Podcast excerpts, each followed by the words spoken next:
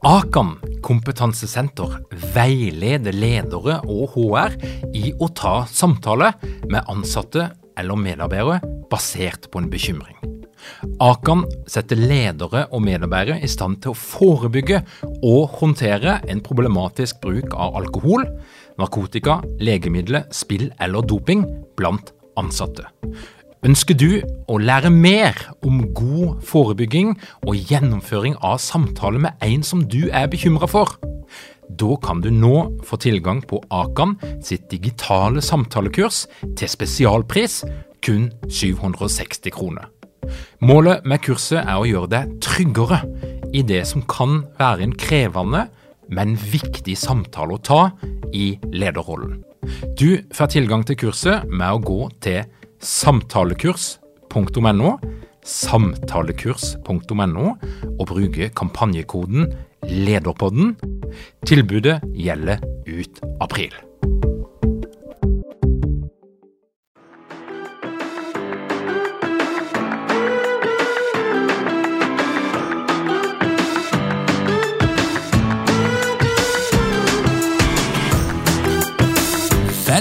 Velkommen til Lederpodden.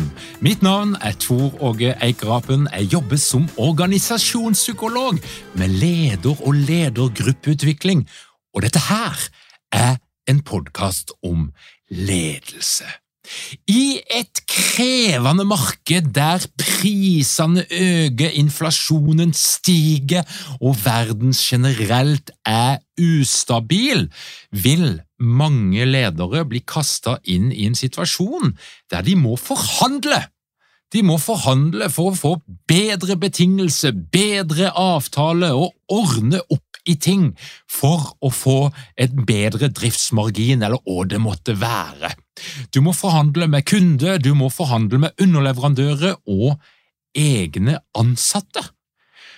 Men hvordan blir du egentlig en god forhandler? Hva er det som skal til, hva er triksene du kan bruke, hva er det som kjennetegner en god forhandler? Og det er det altså noen svar på, og de har jeg lyst til å finne ut av i dag. Stein Erik Mellemsæter han er ekspert på forhandlinger. Han underviser på BI, og han hjelper til daglig ledere og andre med å få til bedre forhandlinger. Og i dag skal han dele noen av de skarpeste og beste verktøyene i si verktøykasse. Men først noen ord fra vår sponsor. Hei! Mitt navn er Cecilie Ystøs Myhre, og jeg jobber som mentaltrener og lederutvikler. Og til høsten skal jeg ha en egen modul på lederprogrammet som omhandler selvledelse. På selvledelsesmodulen vil du lære deg mentale verktøy og teknikker som er forskningsbaserte, og som jeg har god erfaring med fungerer i praksis. Disse verktøyene skal jo sette deg i posisjon til å få ut potensialet ditt som leder, og da er vi allerede i gang med å også sette deg i posisjon til å få ut andres potensial. Så dette henger sammen. Så er du nysgjerrig eller interessert, så håper jeg å se deg til høsten. Eh, og mer informasjon det finner du på lederprogrammet.no. Håper vi ses! Velkommen til Lederpodden, Stein Erik. Tusen takk, eh, Tor Åge. Veldig hyggelig å få, få delta her. Du, du, er den første forhandlingseksperten jeg har hatt på Lederpodden noensinne, så det var på høy tid. Men forklar, hva er din faglige lidenskap? Ja, jeg vil jo si at det er å forhandle, og det å hjelpe andre til å bli enda bedre til å forhandle. Stein Erik, hvordan, hvordan, havna du inn i dette her litt sånn sære området? For, for, det er jo, Vi snakker jo om en ganske sånn spiss nisje. Jeg vil nesten kalle det for organisasjonspsykologi, eller er det økonomi? Eller henne hører dette her hjemme? Det er jo litt, litt, litt av alt, og, det er jo en nisje for de spesielt interesserte. Det er ingen tvil om. Og du kan si veien min inn i faget Jeg tror det starta egentlig ja, litt i barndommen allerede, med, med, pappa som gjentatte ganger fortalte en historie om en forhandling som han gjorde om et tomtekjøp på typ, eh, slutten av 70-tallet. Fortalte det nesten til det kjedsommelige, men det var en veldig inspirerende historie, og det sådde et frø hos meg, og så ble jeg nok solgt da jeg tok mitt første kurs i forhandlinger. Eh, dette er også forrige århundre. Eh, jeg studerte da forhandlinger på Handelshøyskolen Wharton i USA, og det kurset var jo det jeg likte aller, aller best. Så etter det så søkte jeg meg mot forhandling, egentlig både jobbmessig og privat. Og hva skal jeg si, i min tidligere liv, eller tidligere karriere, som da i bankfinans, eh, blant annet som rentevalutamegler, så, så forhandla jeg jo mye. Og forhandlinger og det å forhandle, det var det jeg syntes var aller, aller mest artig ved de ulike jobbene jeg hadde. Og så da for ca. hva blir det nå, sju år siden, så starta jeg da mitt eget eh, konsulentselskap som fokuserer nettopp på forhandlinger. Og hvor jeg da blant annet holder en del foredrag og, og kurs til dyktige folk som forhandler i jobben sin hver dag.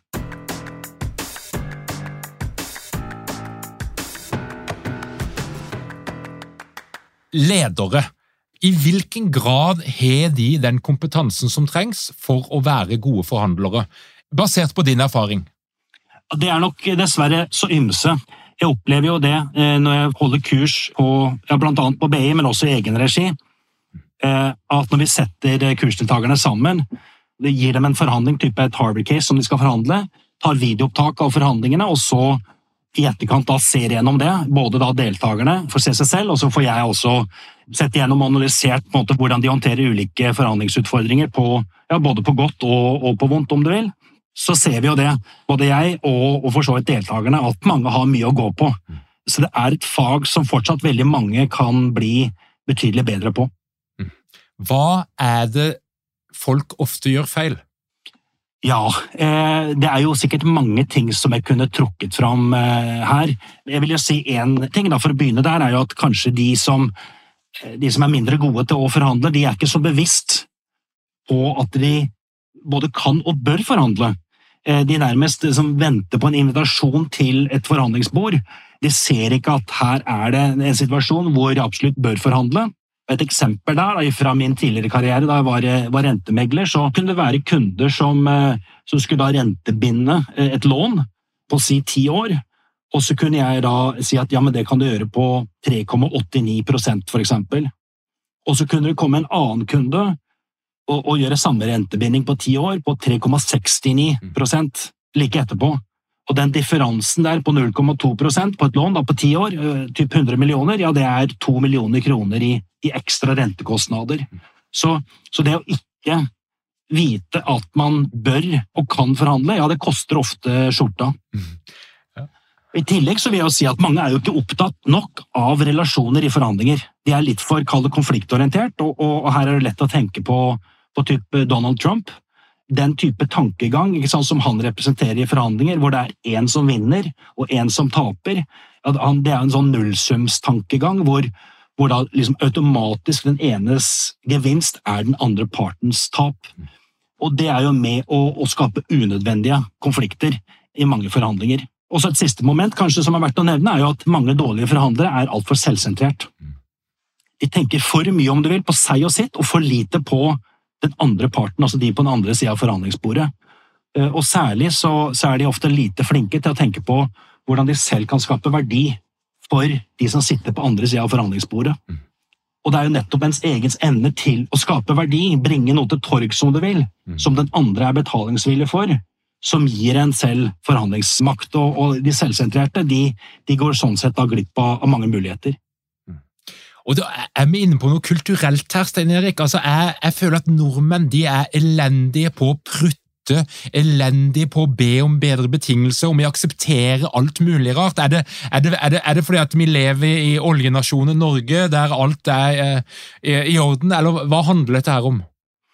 Det, det, du er nok inne på noe der, uten at jeg er noen eh, ekspert på, på kulturforskjeller eh, innen forhandlinger. Så, så, tror jeg du har rett i det du sier, at vi eh, er langt mindre ivrige, om du vil, da, på å forhandle. Og er sånn sett kall det mer konfliktsky mm. enn i en del andre land. Og, og det, det, gjør jo at vi da til daglig sant, får langt mindre erfaring med å forhandle, og så blir vi tilsvarende mindre dyktige også, kanskje. Mm. Og, og, og, Hvis vi snakker om større selskaper, eller det trenger ikke være så veldig stort heller, så, så utgjør jo dette her akkumulert millioner, kanskje milliarder av penger eh, potensielt spart, hvis du tør å ta den runda med dine underleverandører, samarbeidspartnere og, og andre. Helt, helt klart. Store, store, verdier som man kan spare ved å, å gå inn i forhandlinger, og også eh, store verdier man kan skape gjennom et godt samarbeid i forhandlinger. Så, så å, å, være dyktig i det faget her, det, det betaler seg fort. Mm. Og Det er en bransje som i hvert fall jeg kjenner til, eh, som er særlig rå på dette her, og kanskje noen ville sagt litt i råeste laget, og det er dagligvarebransjen. Kan du beskrive eh, denne bransjen litt med dine forhandlingsbriller på? Det er klart det er store verdier på, på, spill, det er mye penger på bordet om du vil, som skal, skal, fordeles mellom partene. For Du kan jo se for deg, sant, hvis vi tar to kjente navn, da, eh, Rema 1000 som en stor dagligvareaktør og Tine eh, som en stor leverandør. Klart De to, når de setter seg ned for å forhandle, Eh, så er det veldig store verdier på spill, og det har jo noe med at partene i realiteten har litt dårlige alternativer, begge to. Eh, og la meg forklare hvorfor, for det høres kanskje litt rart ut. Eh, for du kan jo se for deg, altså for Remas del, så er det jo nesten utenkelig å ikke få inn alle de gode Tine-produktene i Remas hyller. Uten Tines produkter i hyllene hos Rema, så er ikke Rema like attraktivt hos kundene. Sett fra Tines ståsted så er det jo nesten utenkelig for Tine å ikke selge alle de produktene de produserer, til alle Remas butikker land og strand rundt. Så begge to er sånn sett svært motiverte, om du vil, svært interessert i å komme til en enighet og få en avtale.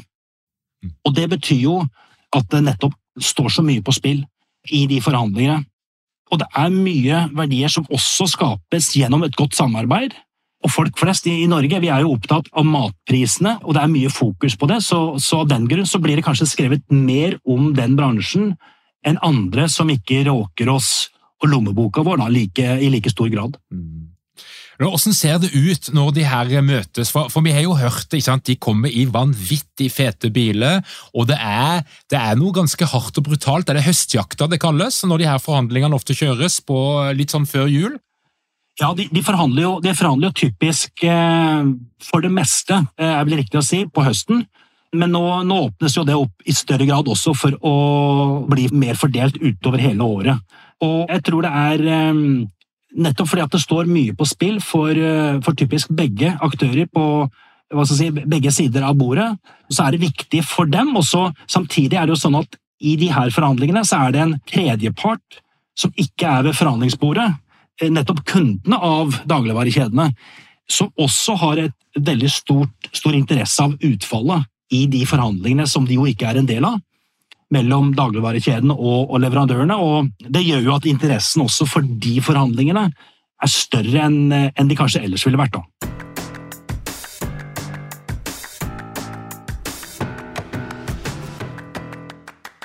Sten Henrik, når du eh, lærer vekk forhandlingsteknikk, hva er prinsippene som ligger bak? Hva er en god forhandling, og hva kjennetegner en god forhandler? Da er det mange spørsmål på en gang. Ja, ikke sant? Altså, jeg regna med at du kom til å komme inn på det her spørsmålet i løpet av samtalen, så jeg har jo tenkt litt på si, et godt svar på akkurat det. og mm jeg har tenkt litt på ok, hva gjør de aller dyktigste forhandlerne. Eh, de har hatt på kurs, om det er på BI eller i egen regi, innenfor om det er dagligvare eller advokatbransjen eller industrien eller hva enn. Hva er det de gjør, eh, de aller dyktigste, som skiller dem fra de mer middelmådige? Og jeg har vært heldig her å samarbeide med og holde kurs for da, noen av landets dyktigste forhandlere. Folk som er så dyktige at, eh, at hadde vi hatt et landslag i forhandlinger, så hadde jo flere av dem vært på på førsteelveren. Og det de aller dyktigste folka gjør bedre og i større grad da, enn en de andre, det er vel i hovedsak tre ting, vil jeg si. Det ene er jo at de i større grad skaffer seg mer verdifull informasjon. Det andre er at de i større grad viser mer samarbeidsvilje. Og det tredje er at de i større grad påvirker dem de forhandler med. Og hvordan gjør de dette her? Ja, ikke sant? Det er, du kan si de, de aller dyktigste forhandlerne de er jo da uvanlig gode til å skaffe seg mer verdifull informasjon. Mm. Og den informasjonen som de er veldig gode til å skaffe seg, går jo da på typisk hva er partenes interesser, hva er partenes alternativer, hva er eventuelle begrensninger som en eller begge parter har, og også hvilke løsninger kan være akseptable for, for begge parter. Mm. Og de er jo opptatt av nettopp å skaffe seg mer verdifull informasjon, fordi at de vet at i forhandlinger så er det sånn at informasjon er makt. Mm. Det er både da makt for så vidt til å skape mer verdi, altså om du vil i anførselstegn bake en større kake sammen, og så er det makt til å kapre mer verdi, altså om du vil i anførselstegn grabbe til seg flest mulig kakestykker. Og det de vet, er at i enhver forhandling de sitter i, så er det sånn at de på den andre sida av forhandlingsbordet de sitter på verdifull informasjon som de selv ikke har, men som de gjerne må prøve å tilegne seg. Og det er egentlig tre, kanskje i hovedsak, da, så er det kanskje tre måter de nettopp tilegner seg den verdifulle informasjonen på. Eh, og det ene er at de er rett og slett mer empatiske enn andre. Og empati, det her trenger jeg jo ikke si til deg, ikke sant? men det går jo på evnen til å forstå andres følelser og tanker. Det er jo ikke sympati, men det er empati. Og de er rett og slett bare, kall det mer genuint interessert i andre, og mindre da selvopptatt. Som nettopp er en kilde til å skaffe seg mer informasjon. Og så følger jo det opp, og her, dette her henger jo litt sammen, men de er også veldig gode da til å stille gode spørsmål. Og det, er, det, det jeg ofte ser på forhandlingskurs, det er jo at mange er veldig gode til å argumentere og har lagd og forberedt en liste over gode argumenter som de da drar igjennom i løpet av en forhandling. Men det som de aller dyktigste også gjør, i tillegg til å ha den lista med argumenter klare, mm. ja, det er jo å, å, ha en spørsmålsliste klar, som de da typisk også drar igjennom først, mm. sånn at de tilegner seg verdifull informasjon først, og så bruker de den informasjonen de har tilegnet seg, mm. I argumentasjon i neste runde. Og Her kan du se for deg egentlig litt sånn hvordan politiet håndterer avhør med kriminelle. Det er jo politiet som har makta i den relasjonen der, men de bruker ikke makta til å argumentere mest mulig eller prate mest mulig. Det de gjør, er jo at de bruker den posisjonen de har, til å stille gode spørsmål for å tilegne seg verdifull informasjon, som de da i neste omgang bruker da, til å få vedkommende eller kompanjongen bak lås og slå. Og så er det jo det siste momentet, ikke sant, som er å, å, å, være gode lyttere. For det hjelper jo ikke å være empatisk og stille gode spørsmål hvis du ikke også er god til å fange opp de signalene som blir sendt fra, fra folka på andre sida av forhandlingsbordet, og også for så vidt tolke de signalene. Og, og, det høres litt lettere ut enn det er, men, men mange ganger så, så, opplever jeg at folk, om du vil, røper seg og sier ting som de strengt tatt ikke kanskje burde sagt, men så går den andre parten helt glipp av det fordi at de er for opptatt med å tenke på hva de selv skal si. Så det er mentalt krevende å være en god lytter og evne å også fange opp de signalene. Og særlig er det jo viktig da, i det øyeblikket hvor et tilbud legges på bordet, så er det særlig viktig å være en god lytter og fange opp signaler. Eh, hvilke ord og uttrykk er det de bruker når de legger et tilbud på bordet? Fordi at folk røper seg gjerne litt og, og sier hva de egentlig mener med de ordene og uttrykkene de bruker. For eksempel så kan du se for deg en forhandling hvor noen sier at jeg håper å få sånn ca. 100 millioner kroner.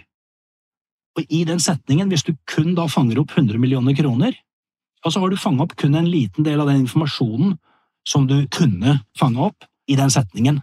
For en person som håper, ja, det er en person som ikke forventer eller krever eller må ha.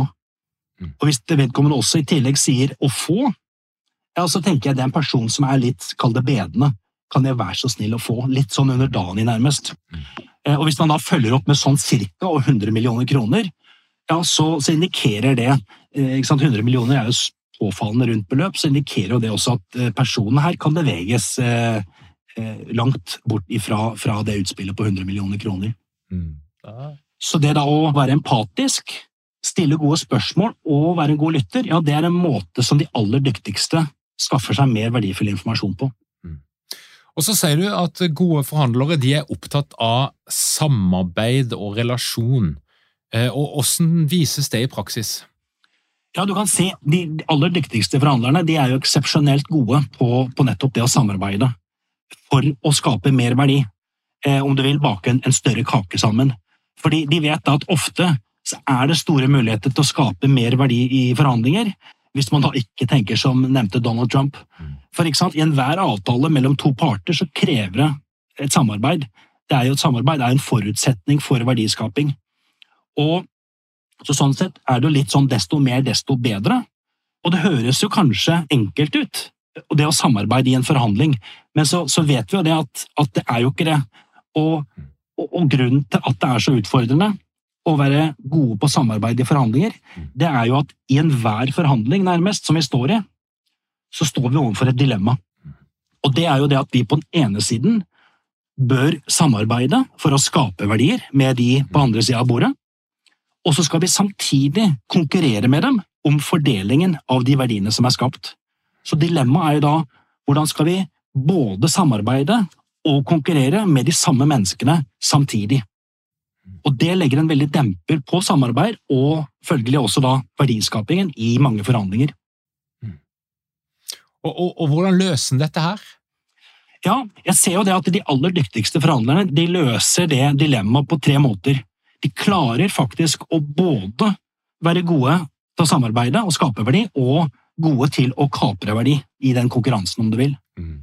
Og måten de gjør det på, er eh, Det ene de gjør, er jo at de, de deler, om du vil, typisk en forhandling i to faser. Litt sånn grovt sagt, men likevel litt riktig å si at det er i to faser, hvor den første fasen er en fase hvor de samarbeider. Mm.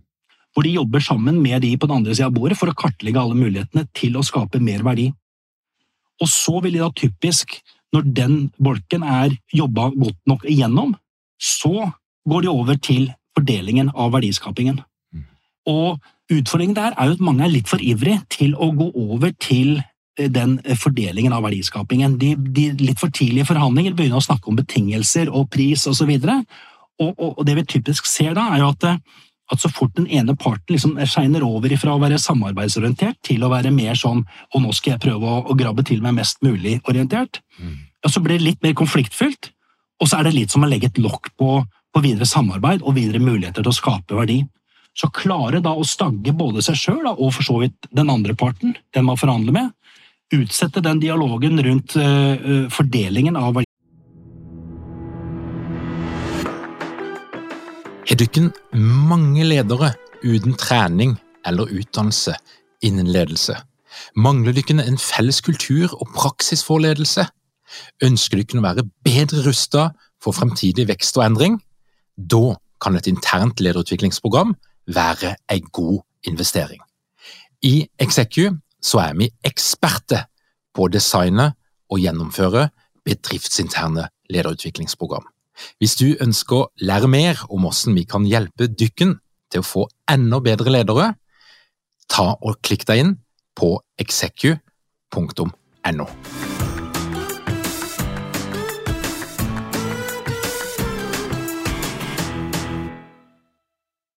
Skapingen, eh, ja, det er helt sentralt.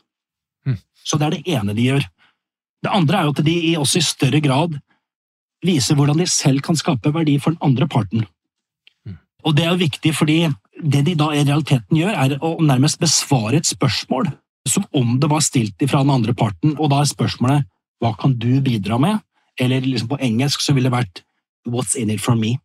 Som om det ble stilt da, av de på den andre sida av forhandlingsbordet. Mm. Så viser de og forteller de hvordan de selv kan skape verdi for den andre parten.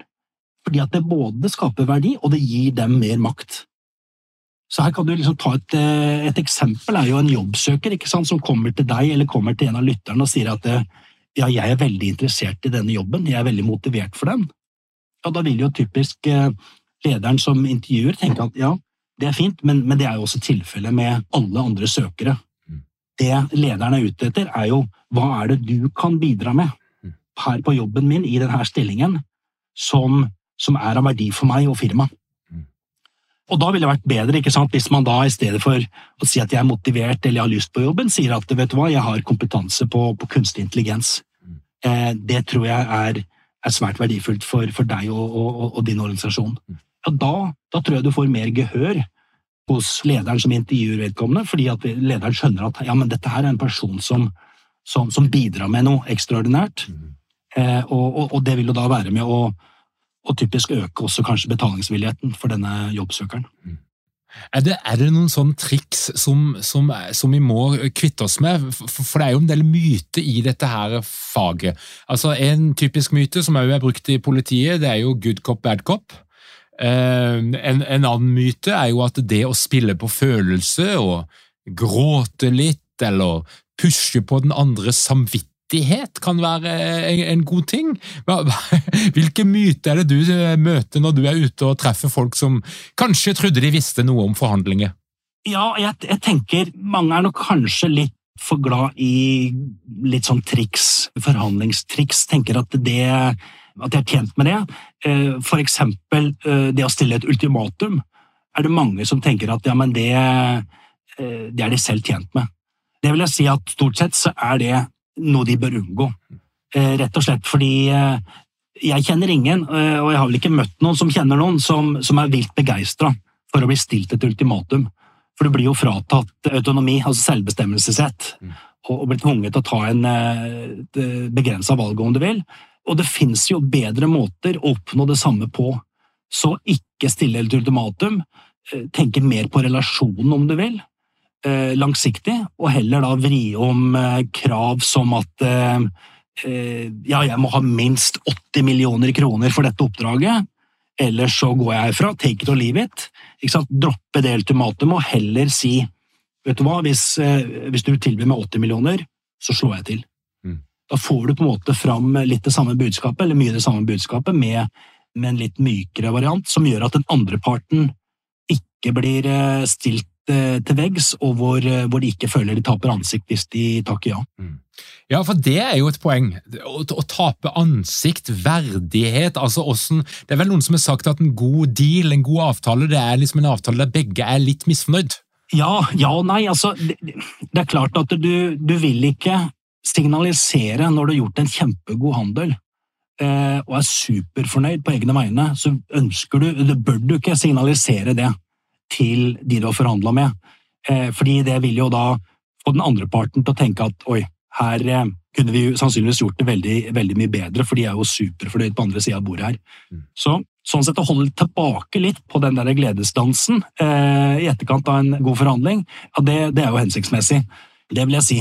Ellers så vil jeg jo nevne at det å være samarbeidsorientert For å få til det, så er det også viktig at man åpner opp for å gjøre gode byttehandler. Og, og der ser jeg at de aller dyktigste er, er, veldig gode, fordi de forhandler typisk fra flere temaer samtidig, istedenfor bare ett og ett. For du kan tenke deg, ikke sant, Hvis du forhandler ett og ett tema, så blir det sånn at den enes gevinst blir automatisk den andres tap, og, og da blir det fort konfliktfylt. Eh, så istedenfor å først forhandle om typ, eh, kvalitet, og så om pris, så går det an å se for seg at man forhandler om begge deler samtidig, og gjør da en god byttehandel. Hvor typ, kjøper, eh, som kanskje er superopptatt av kvalitet, får, får om du vil viljen sin og får superhøy kvalitet på produktene, men selger for en høy pris og sånn sett blir kompensert godt for ekstraarbeidet med å lage høykvalitetsprodukter, og at begge to kommer, kommer godt ut av det. Så evnen da til å gjøre gode byttehandler og så se mulighetene for det, ja, det er også en, en, av de tingene som jeg opplever at de aller dyktigste er bedre enn de mer middelmådige forhandlerne til å gjøre. Mm. Så se det store bildet, se ting i sammenheng, da får du mer å spille på. Ja, det kan du si. Det kan du si. Og så er det jo det siste momentet ikke sant, som, som går på at de aller dyktigste de er i større grad enn andre flinke til å påvirke de som de forhandler med. Det er klart, Jeg trenger ikke å fortelle deg og lytterne dine i Lederpodden hvorfor det er viktig å være god til å, å, påvirke andre. Men det er tre måter som jeg opplever at de aller dyktigste mm. nettopp klarer i, i større grad enn andre å påvirke eh, de de forhandler med på. Og Det ene er at de i større grad tar den andre partners perspektiv. Og her, her eh, Jeg har vært heldig nok til å jobbe med en kar som har vært tidligere leder i politiets krise- og gisselforhandlertjeneste, Espen Skavenius kjenner også til en amerikaner, Chris Voss, som var leder i, i tilsvarende mm. gisselforhandlertjeneste i FBI. Og, og, det de sier, er jo at um, som, som, vi andre kan lære av, eh, det er nettopp ta den andres partners perspektiv. Få de til å føle seg hørt, og få de til å føle seg forstått. Mhm. For det er det som er med å skape tillit, og, og bygge en relasjon. Så det, det, de typisk gjør, er i begynnelsesfasen, når de da i utgangspunktet ikke har noen relasjon med, med, med de de forhandler med, mm. så lytter de veldig mye. Prøver å forstå rett og slett best mulig de menneskene som de har med å gjøre. Så bygger de opp da, om du vil, skaper tillit, bygger en relasjon, helt fram til eh, de hører de magiske ordene hva synes du jeg bør gjøre? Mm. Eller noe tilsvarende, og det er først da de føler at de har gjort seg fortjent til å kunne påvirke de menneskene som de forhandler med. Mm. Så rett og slett få de de forhandler med, på å føle seg hørt og forstått, for derigjennom å kunne påvirke og endre deres atferd. Mm. Og Da høres ut som dette her er en, eh, det er en tålmodighetsøvelse òg. Altså, du, du, skal hold your horses, du skal ikke skride for fort fram. Du skal, du skal holde litt igjen på å, å, gå for kjapt til kjernen av saken og forhandlinga. Ja, det, det syns jeg er veldig godt eh, beskrevet og, og sagt. Det er, eh, det er helt enig. Det gjelder å egentlig gi den prosessen den tiden det trenger, og ikke minst gi de på andre sida av bordet den tida de trenger til å, å, føle at de har blitt hørt, at man hensyntar dem i, eh, i, forhandlinger. For det betyr så utrolig mye for relasjonen og også mulighetene til å lande med en eh, god avtale for begge parter. Mm. Men, men, men, litt sånn på denne, Politiet vet jeg er opptatt av den fysiske utforminga av et avhørsrom, og så er det en helt annen kontekst. Mm. Men, men, i forhandlingsbransjen, hvis du skulle se for deg det perfekte stedet, lokasjonen, for å gjennomføre en god forhandling. Hvordan ser det rommet ut? Ja, Fint å være et sted hvor, eh, hvor du da blir eh, får være i fred og ro. At møterommet ligger da på et, eh, ikke et hotell kanskje i, sentrum med masse begivenheter utenfor, men, men, heller kanskje litt utenfor sentrum. At møterommet er relativt stort. Gjerne et rundt forhandlingsbord. Gjerne en tavle som man kan skrive på. Uh, Istedenfor at man da sitter hva skal si, bokstavelig talt på hver sin side av bordet og, og, og skriver uh, på sine egne tastatur uh, og PC-er, så, så, heller prøve å få fokuset opp på en felles tavle hvor man kan, hvor man kan mer jobbe sammen og få det mer til å, å være et, et felles prosjekt og, og et samarbeidsprosjekt er det, er det, et poeng å, å, være på et nøytralt sted? Altså, det er jo noen som har lyst til å vise fram de flotte lokalene og det nye konferanserommet de har fått, og der henger det bilder av uh, alle direktører som har vært de siste hundre årene. Uh, uh, men det er noe med symmetrien her? Ja, det, det kommer land på, på, forhandlingene. Jeg tror vel ikke at den parten som, som, kommer på besøk, nødvendigvis føler seg underlegne eller har noen ulempe av Eh, ved at de er på, på bortebane. Eh, eh, jeg tror ikke de bør la seg affisere av, av det.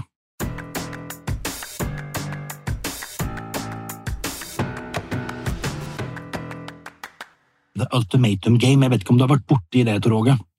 Jeg hørte om det. Jeg, du må forklare. Ja, ikke sant. Det er jo, og Her kan jo du svare, og så kan jo lytterne der ute også tenke seg hvordan de ville svart samme spørsmålet. Det er jo da to parter Eh, i dette spillet, hvor du da, og lytterne for så vidt er spiller A. Og så kan dere tenke dere en spiller B som dere ikke kjenner, og som dere kan spille dette spillet her én gang med. Og, og, som navnet sier, så er det jo da et ultimatum og ikke en forhandling.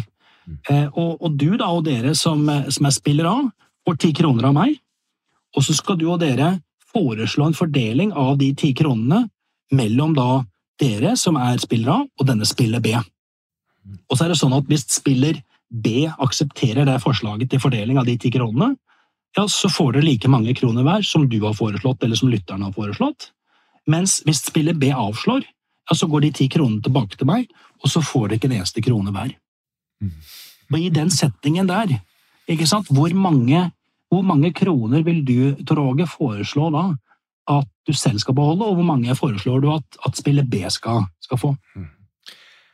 Mitt forslag er fem til hver fem til hver, ikke sant? Og det er ganske typisk svar. De fleste svarer fire eller fem kroner til spiller B, noen tre. Eh, sjelden gang er det noen som drister seg til å foreslå én eller to kroner. Eh, og jeg sier drister fordi at det typisk så er det sånn at spiller B avslår én, to ofte tre kroner, men takker ja nettopp til fire og fem. Og, og noe av det interessante her er jo at for spiller B så er det jo sånn at selv én krone er det jo bedre å få enn ingen som jo er alternativet hvis de avslår et forslag hvor de som spiller B får én krone, og spiller A får ni. Så det er jo rasjonelt, om du vil, for spiller B å takke sågar ja til én krone framfor å få ingen. Men typisk så vil de fleste i rolle B, som sagt, avslå det, og sånn sett da avsløre at de er ikke, de er ikke rasjonelle. Og, og grunnen til det er jo typisk at rettferdighet ja, det er viktigere for de fleste av oss enn om du vil den siste krona. Og det er vel det er viktig i forhandlinger å, å, å, tenke på for ledere, så når de da legger fram et forslag i en forhandling, så hjelper det ikke om det er et, et forslag som strengt tatt er så godt at den andre parten burde akseptert det rett ut ifra det å være rasjonell. Det er også viktig at vedkommende føler at det her er rettferdig. Ellers så kan de fort avslå selv da et, et godt tilbud. Du, Sten Erik, dette her er fascinerende greier, og jeg vet at mange av de som hører på nå, de tenker at shit, jeg har et potensial til å bli en mye bedre forhandler. Og så er det nok noen som da kjøper ei bok av uh, eh, Mr. Chris Voss, eller en masterclass uh, som han promoterer hardt ute på internettet. Men, men kan du egentlig lese deg til eller se en video for å bli en bedre forhandler? Det er et godt poeng. Eh, du kan selvfølgelig Kall det øke kunnskapen din gjennom å lese gode bøker, høre på podkaster eller se YouTube-videoer om forhandlinger. Sånn sett så kan du lære mer om hva du bør gjøre. Men eh, litt sånn som eh, jeg opplever at du er inne på det, altså forhandlinger er jo et praktisk fag, så du trenger praktiske ferdigheter. Og for å få det, så må du jo øve. Så er det selvfølgelig en fordel å ha, å ha litt eh, teoretisk kunnskap, eh, sånn at man øver på si, de riktige tingene. Men, men eh, men for å bli riktig god til å forhandle, så må du øve mye. Mm. Og, og da, sant, da, kan du jo enten selvfølgelig du kan gå på kurs og der eh, forhandle Harvard Case, ta videoopptak av det og få individuelle tilbakemeldinger i, i etterkant. Det er én måte å gjøre det på. En annen, som jo er helt gratis, er jo at man rett og slett benytter alle de mulighetene man har i hverdagen, til å prøve å forhandle. Mm. Og liksom et eksempel der var jo når jeg leste noe om eh, Robert Gialdini, en anbefaling som han kom med ganske nylig. Leste jeg om på veien på flyet opp til Molde, og så tenkte jeg det her må jeg teste ut. Og Første anledning jeg hadde da til å teste ut, det var jo på det hotellet Seilet i Molde. Og Da prøvde jeg å få en oppgradert rommet mitt gratis, fra et greit rom til en sånn junior, junior suite. Eh, så det gjelder å liksom bare benytte alle muligheter man har til å bli enda bedre til å forhandle. Hva gjorde du på Seilet? Fortell. Eh, ja, jeg, jeg, endte faktisk opp med å få den oppgraderingen, eh, men jeg vil jo si det at det er mye tilfeldigheter også. Men jeg, jeg, jeg brukte noen, noen, eh, noen, forskjellige grep der, og det som Cialdini som, som, hadde inspirert meg til å teste ut, det var at du må si i løpet av forslaget, når du legger fram, så må du si at ja, men det er selvfølgelig helt opp til deg. Rett og slett bare bekrefte til vedkommende at, at han eller hun fortsatt har sin autonomi, sin selvbestemmelse, og at ikke den blir fratatt vedkommende. At det faktisk har en, en effekt rent sånn påvirkningsmessig, og så var det selvfølgelig andre ting som ble sagt der også, men jeg vil si at kanskje i åtte eller ni av ti tilfeller så lykkes man jo ikke når man prøver eh, å forhandle om det ene eller det andre, men for min del så tenker jeg at uansett om jeg lykkes eller ikke, så lærer jeg. Og det vil jeg oppfordre alle lytterne dine til å gjøre òg. Bare, bare prøv og lær. Det er bedre å å, prøve og feile enn å ikke prøve. Ja, Nydelig, Stein Erik. Og Hvis det er noen her som er nysgjerrig på Cialdini, da, så har vi en helt egen episode med psykolog Katrine Mostue, ja. som altså eh, heter 'Du trenger ikke å være dum for å bli lurt'. Ikke sant? Ja. Den høres interessant ut. Men, men uh, Stein Erik, det jeg hører er at skal du bli god på å forhandle, så må du trene, og hvis du ønsker å bli virkelig god, så må du òg kanskje få noen kvalifiserte tilbakemeldinger. Og Det er jo det du gjør med de her videoopptakene. Det er jo å gi en feedback både gjennom videoen og gjennom din egne eh, analyse. Ja, ja, det er riktig. Um, så at De setter seg ned og forhandler en uh, tre kvarter times tid. Mm. Så får de selvfølgelig anledning til å, å se gjennom videoen selv i etterkant, og, og, og, mm. bare det er jo stor læring i. Mange får jo en aha-opplevelse og tenker oi, er det sånn jeg prater, er det sånn jeg mm. sitter? Og syns jo det er, er, er, ukomfortabelt, men samtidig er det også det som typisk de aller fleste syns er det mest lærerike eh, på forhandlingskursene, nettopp det å få individuelle tilbakemeldinger, på godt, men også litt på vondt, hvor jeg da typisk eh, trekker fram ting som de, de, gjør kjempebra og bør fortsette med, eh, og hvorfor det er bra, og så går vi inn på et par områder hvor jeg liker å utfordre dem på og at de kan gjøre ting på en annen måte og en bedre måte, og, og diskuterer da hvordan de kan, kan gjøre det bedre ved, ved, neste anledning. Mm. Mange hater rollespill, men når det gjelder ferdighetstrening knytta til kommunikasjon, så tror jeg jammen meg det er ikke noe vei utenom. Ja, nei, det, det, er jo eh, Min erfaring er det er jo det mest virkelighetsnære som du kommer, hvor du har anledning til å ta opp forhandlingen på video og, og få tilbakemeldinger i etterkant. Eh, for det er, liksom, det er, ofte det som er problemet i forhandlinger for øvrig, er jo eh, reelle forhandlinger. Da får man jo sjelden gode tilbakemeldinger.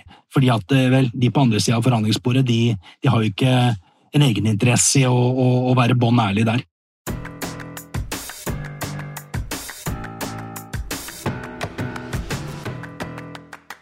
Stein Erik, er det noe du har lyst til å melde ut til Lederpoddens lyttere som jeg ikke har spurt deg om? Ja, altså jeg tenker De som, de som har hørt på hele podkastepisoden, de, de, er jo som, som, er også tydeligvis veldig interessert i, i, forhandlinger, og det er jo kjempekult. Og, og hvis, hvis, dere har interesse av, av flere råd knytta til forhandlinger, så, så, skriver jeg eh, innlegg på, på, på LinkedIn under eh, emneknaggen Ukens forhandlingsråd. Eh, så eh, der er det hjertelig velkommen til å følge meg, og også gjerne knytte kontakt på LinkedIn. Mm. Og utover det så, så, må jeg si til deg, Tor Åge, at du er jo en eh, fenomenalt dyktig podkastvert. Denne samtalen har jo vært veldig interessant for meg, men jeg vet jo at du også har veldig mange andre interessante samtaler i Lederpodden, så jeg syns det var veldig gøy at jeg fikk lov til å være med her, så tusen takk for det. Tusen takk for at du ble med, og jeg har jo allerede lært ting nå, Stein Erik, som gjør at uh, jeg må bare gi en liten sånn shoutout til, til de som jeg skal forhandle med ganske snart. At nå kommer dere til å merke, folkens, at jeg upper gamet mitt betraktelig, så vær forberedt!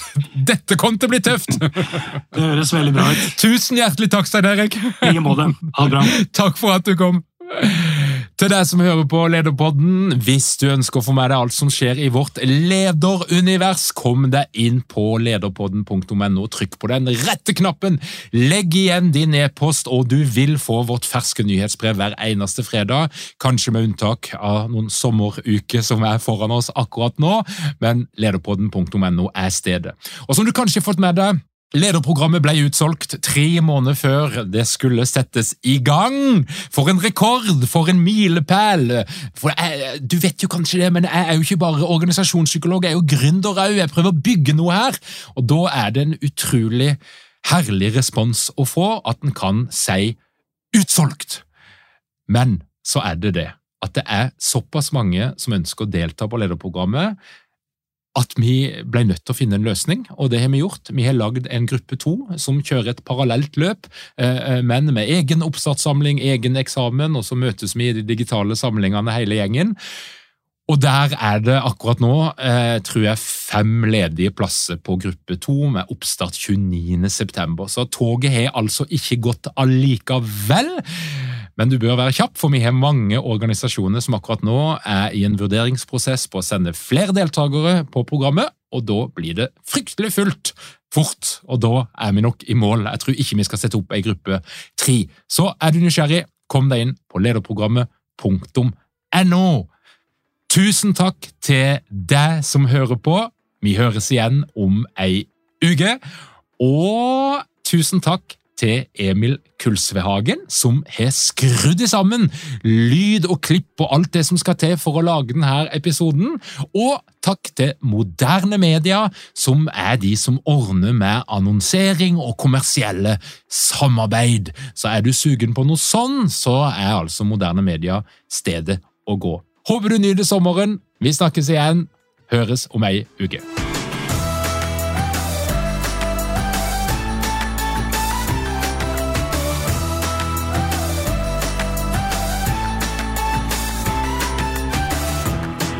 Lederpodden er gitt til deg av Execu.